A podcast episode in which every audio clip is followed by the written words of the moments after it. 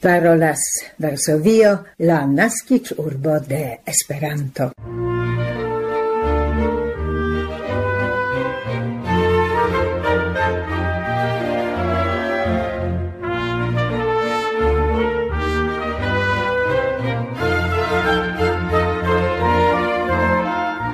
Coran saluton carei auscultantoi en la Lauvica, Ci foie la jam 1233 Esperanta elsendo el Varsovio. Invitas vin la tuta redakcia skipo kaj hodiaŭ tuta aparte Barbara Pietrzak, Maciej Jaskot kaj voce kontribuanta Rico Giacometto. Hodiaŭ komence ni proponas kultur kronike in informojn interalie pri la komenciĝonta morgaŭ en Varsovio printempa Beethoven festivalo. Hodiau ni invitas vin alla urbo, kies unu el la historiei obiectoi estis calculita alla listo de la polei histori monumentoi. En la Esperanto comunuma parto ni informas interalie pri Nova Zeo, baldaŭ lanĉota en Bialistoko, kaj pri la nunjara eldono de la concurso de Academio de Esperanto por akiri lauron de Academio. En la comenzo ni proponas kultur kronikajn in.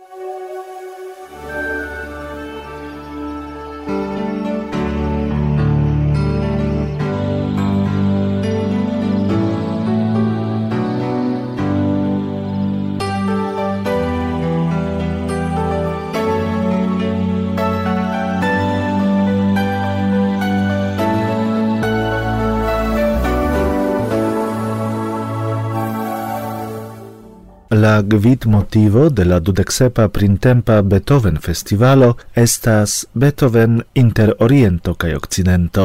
Gi dauros inter la dudexesa de marto kaj la sepa de aprilo en Varsovio. La festivala programo, construita circa la gvid motivo de la nuniara eldono, reliefigos la kun existon de la orienta kaj okcidenta kulturo en muziko. Dum dec tri festivalai tagoi ocasos dec sinfoniai cae quin chambrai concertoi, dum ciui presentidos multai renomai sol artistoi, directistoi cae ensembloi invititai de Elżbieta Penderecka, la generala directoro de la festivalo. Krom komponajoj de Ludwig van Beethoven, la publiko audos la muzikon de interalie Wolfgang Amadeus Mozart, Frederico Chopin, Henryk Winiawski, Gustav Mahler, Hector Bialobos, Maurice Ravel, George Gershwin, Benjamin Britten, Witold Lutosławski, Leonard Bernstein, Mieczysław Weinberg, Walentyn Sylwestrow, Toshio Hosokawa kai Faustas Latenas. En la festivala programo aparte estos omagita per siaj verkoi Krzysztof Penderecki, lige kun lia nuniare naŭdeka da treveno kai la tria da treveno de la morto. Conforme al la tradizio, la concertan programon completigos ciclai accompagnai eventoi, expozicio de musicae manuscriptoi en la Jagiellona Biblioteco en Krakovo, cae internacia scienza simpozio.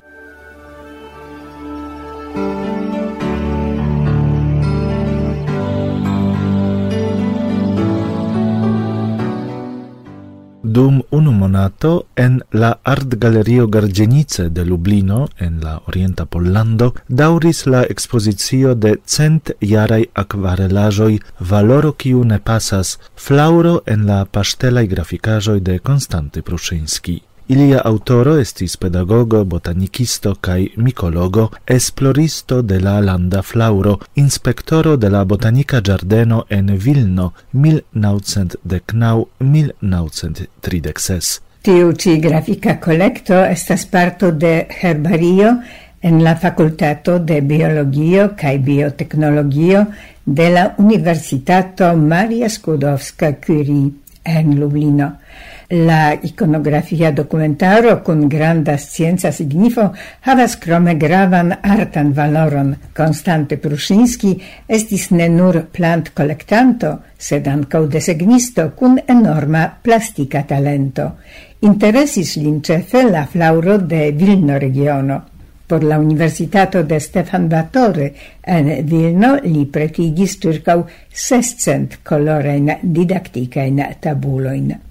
Prusinski desegnis ankaŭ atlason de fungoj kai atlason de flor plantoi kun kelkcent akvarelaj tabuloi. Pruszyński desegnis atlason de fungoi kai atlason de flor plantoi kun kelkcent akvarelaj tabuloi. Pri tiu ĉi zorgis profesoro Piotr Winiewski el la Botanika Fakultato en Lublino, kiu revenant al Pollando post la dua mondmilito kunportis circa tricent tabuloin prilaboritain de Pruszyński. Ili ricigis la creigiantan herbarion de la novcreata en 1944 universitato. Ciu planto estas provisita per sia latina specinomo kai informo pri la kolektoloko. Parto ricevis ankaŭ sinonimain nomoin. La tuta collecto actuale consistas el prescau quarcent mil folioi, inter ciui circa ducent mil rilatas al plantoi, kai pli ol cent ogdec mil rilatas al fungoi kai lichenoi. La Lublina herbario estas unu inter kvin plej grandaj en Pollando. Antaŭ kvin jaroj la tuta kolekto estis subigita al ĝisfunda restaŭro kaj protekto. La scanitain folioin de la collecto eblas rigardi en la pagio de la cefa biblioteco de la Universitato Maria Skłodowska-Curie en Lublino.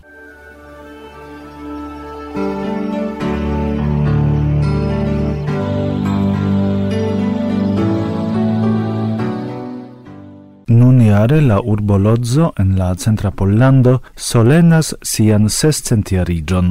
Tiu ocase en la fabrica museo de manufakturo estas texata tolajo sur kiu kreiĝas sescent pentristaj projektoj de artistoj el diversaj mondopartoj. Ili estos prezentitaj dum la oficialaj solenaĵoj ligitaj kun la urbo jubileo en julio kaj sekve aukciotaj por la karitataj celoj. La texajo creigas en manufakturo sur historiai cent quindeciarai textiloi. La organizantoi de la proiecto gis la fino de aprilo atendas sin annonzoin de artistoi kiuj volas kun partopreni la proiecton. Sian contribuon annonci siam interalie la Academia de Belartoi en Lodzo cae la fondajo Unamos Culturas. Pliai detaloi trovigas rete.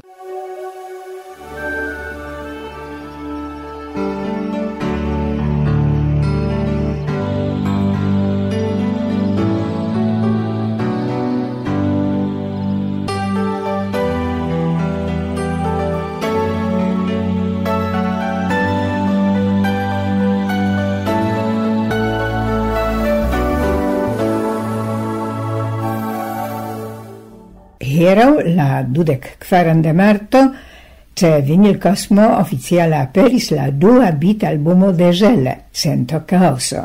Gi estis eldonita kiel kodo, en 2003, kai enhavis dek cantoin componitain de Lena. Ehas en ili hausa impressoi pri la homa vivo, pri gioio, amo, duboi, post ama liberezzo, amoro cae aliei. Mi proponas fragmente ausculti cune la canzonon el citiu bit albumeto titolitan La Vivo.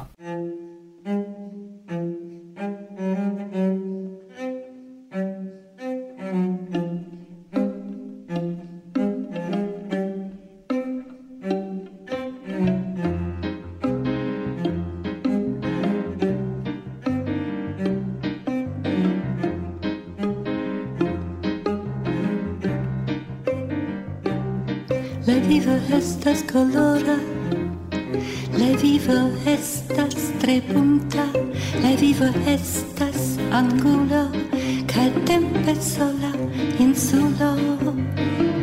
La vivo estas caresa Ca tempe anca minazza La vivo tre interesa La vivo estas donazzo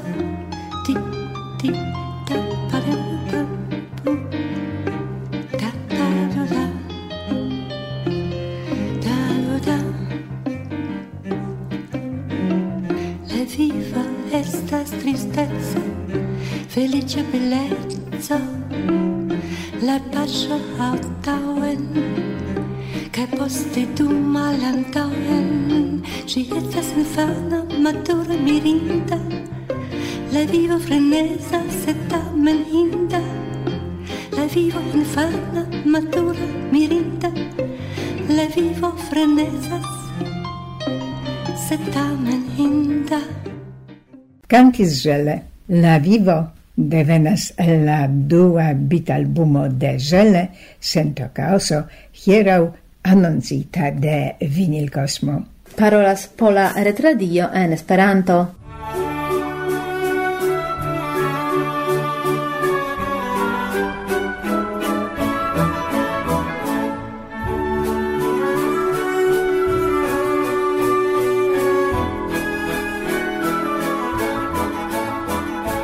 Ci semaine mi desiras gvidi vin signoroi al Opatów, pitoreska urbeto en la suda Pollando.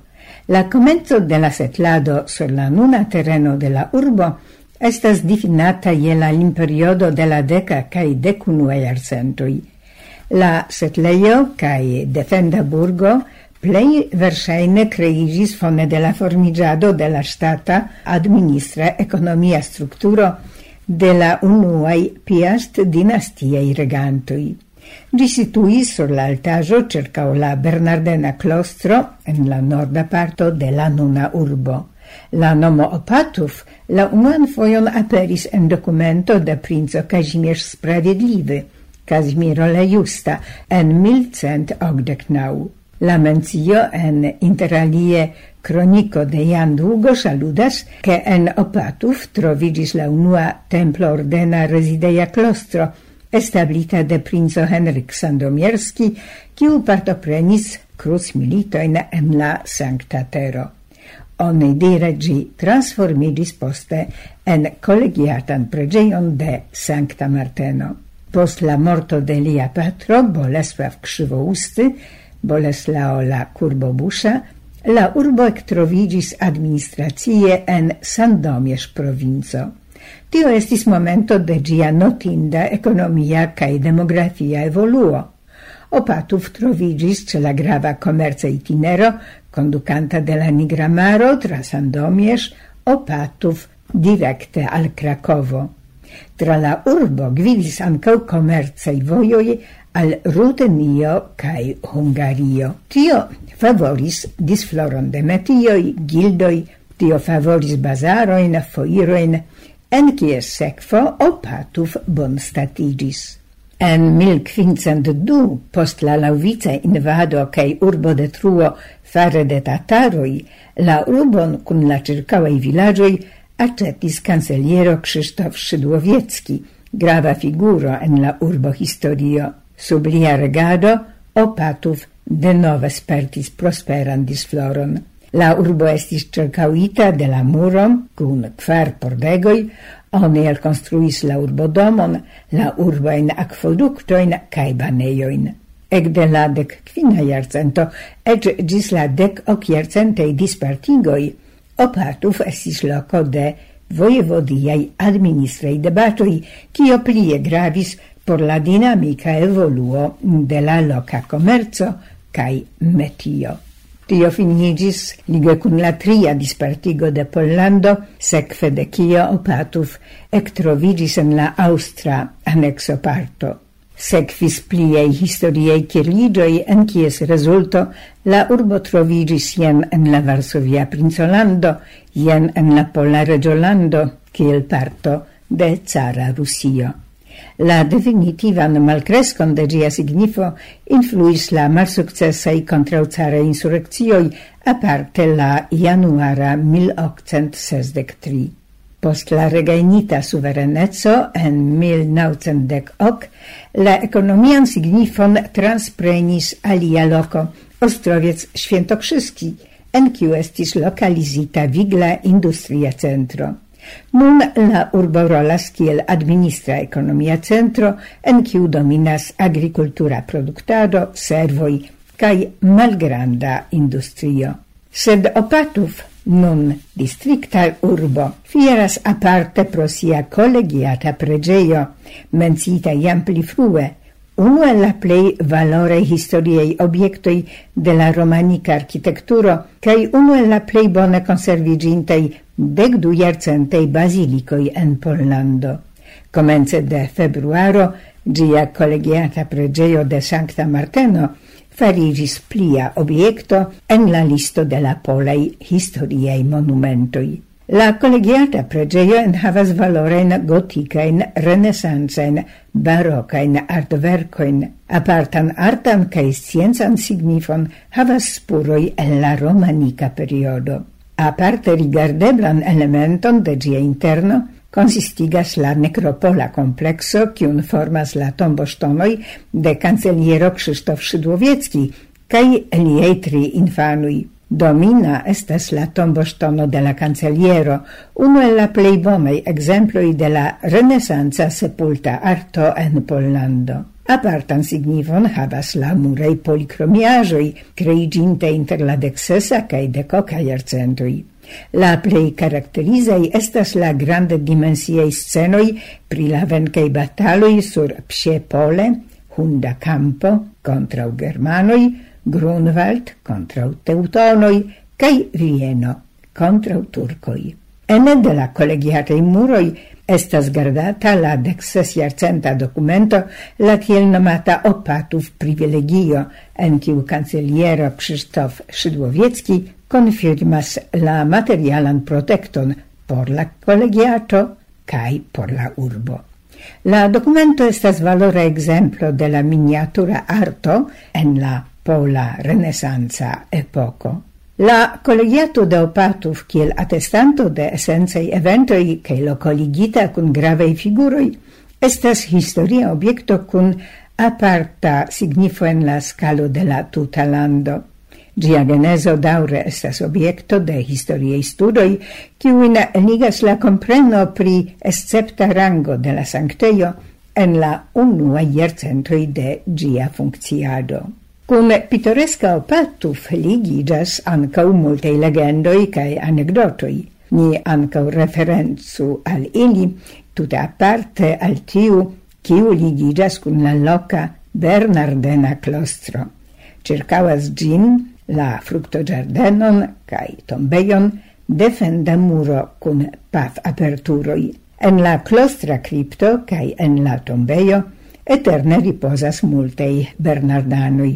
Inter ini estas sepultita en la comenzo de la dec oca iarcento Karol Lezienkiewicz, fama predicanto cae teologo, qui sterai restajoi ne malcomponigis, cae shenas esti balsamitei. Lau onidiroi, tiu ci monaco per sola cruzigno capablis estingi la explodintam en la clostro incendion. Sed li estis monaco, sentema ancau pri music tonoi. Ciam monacoi conveninte porciante pregi, quelcaen iaroin post lia morto, ocasis che ilia cantado sonis falsa tone. Ietio en la horeio audidis subite, quasau el sub la planco, frab bruo, quasau la fulmo tondro. Ci ocasis? Montrigis che la cerco covrilon de la pia Karol Lesenkiewicz falis teren cae crome. Lia mano levigis, minacad admone, por averti la fratularum. Neniu capablis, malgrau plurei provoi, remeti lian manon a positio. Tio tamen sangigis, ciam la abato, alvocante la monacan obeemon, ordonis alla minat signanta monaco la manon mallevi. Tiel do ancau ocasis.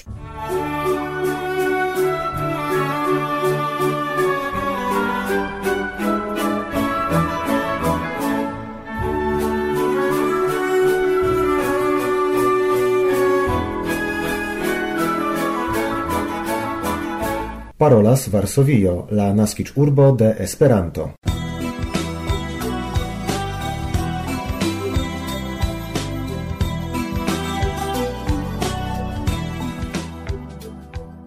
La duan de marto en Barcelono disvolvigis conferenzo pri Esperanto plurlingvismo cae sociai movadoi. Gi estis organizita de la Departamento pri Angla Filologio cae Germanico de la Autonoma Universitato de Barcelono cae la Filologia Sekcio de la Instituto pri Catalunaj Studoi. Prelegis professoroi Roberto Garvia de la Universitato Carolo Latria cae Guillerme Fians de la Universitato St. Andrews. Sekve ocasis rontabla debato cun la croma partopreno de la professoroi Monica Heller, Maria Rosa Garrido, Nicolau Dols cae Xavier Alcalde. Vespere estis organizita gvidita promeno tra la stratoi de la quartalo Grassia, dum ciu oni sequis la spuroin de Esperanto historio cae de aliai sociai movadoi en citiu historia quartalo. Prelegoi cae debato estas specteblai en YouTube.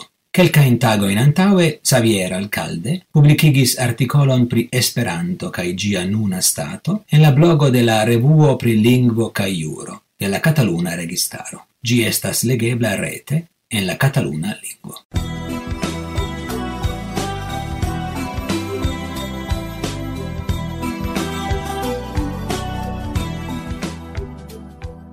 En 2023 Akademio de Esperanto anoncas la trian eldonon de sia konkurso por akiri lauron de la Akademio.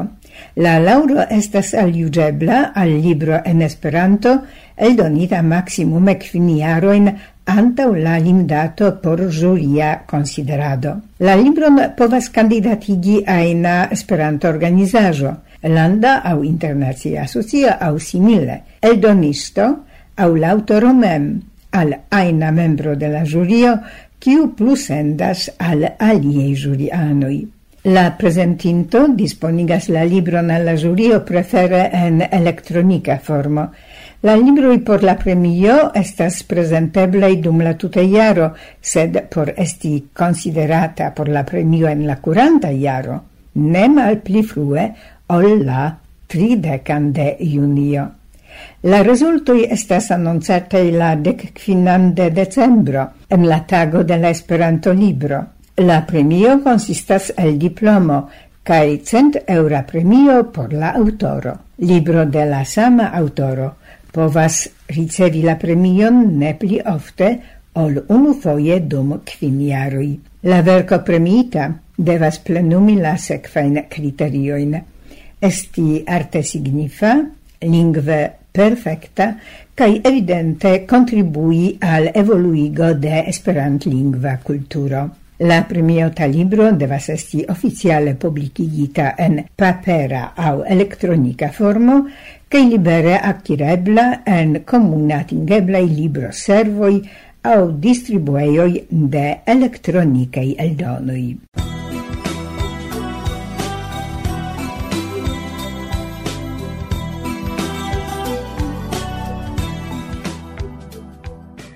Dum la sesdekoka sesio de la urbo Consilio de Bialistoco, fine de februaro, estis decidite bapti iun el la stratoi de la urbo per la nomo de Simon Datner.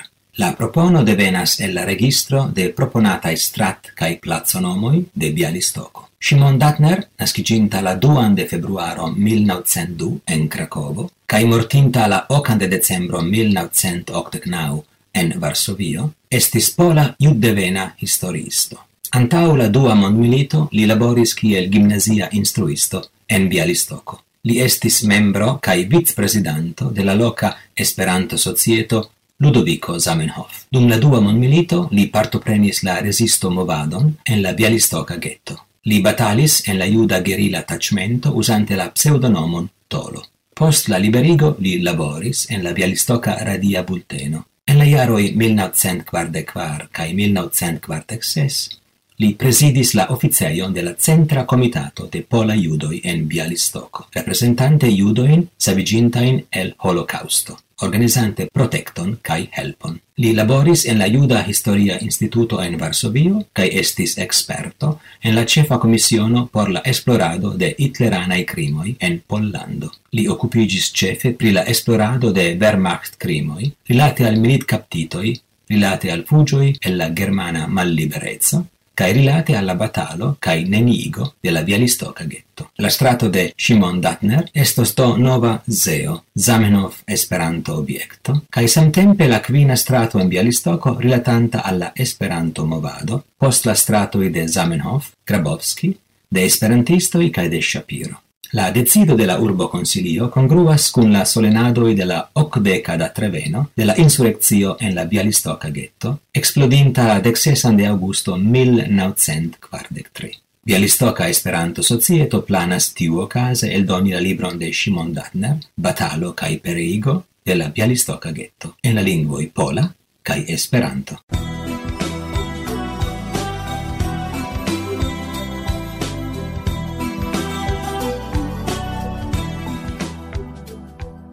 Kai tiele ni proximiris al la fino de nia 1233 Esperanto el sendo el Varsovio.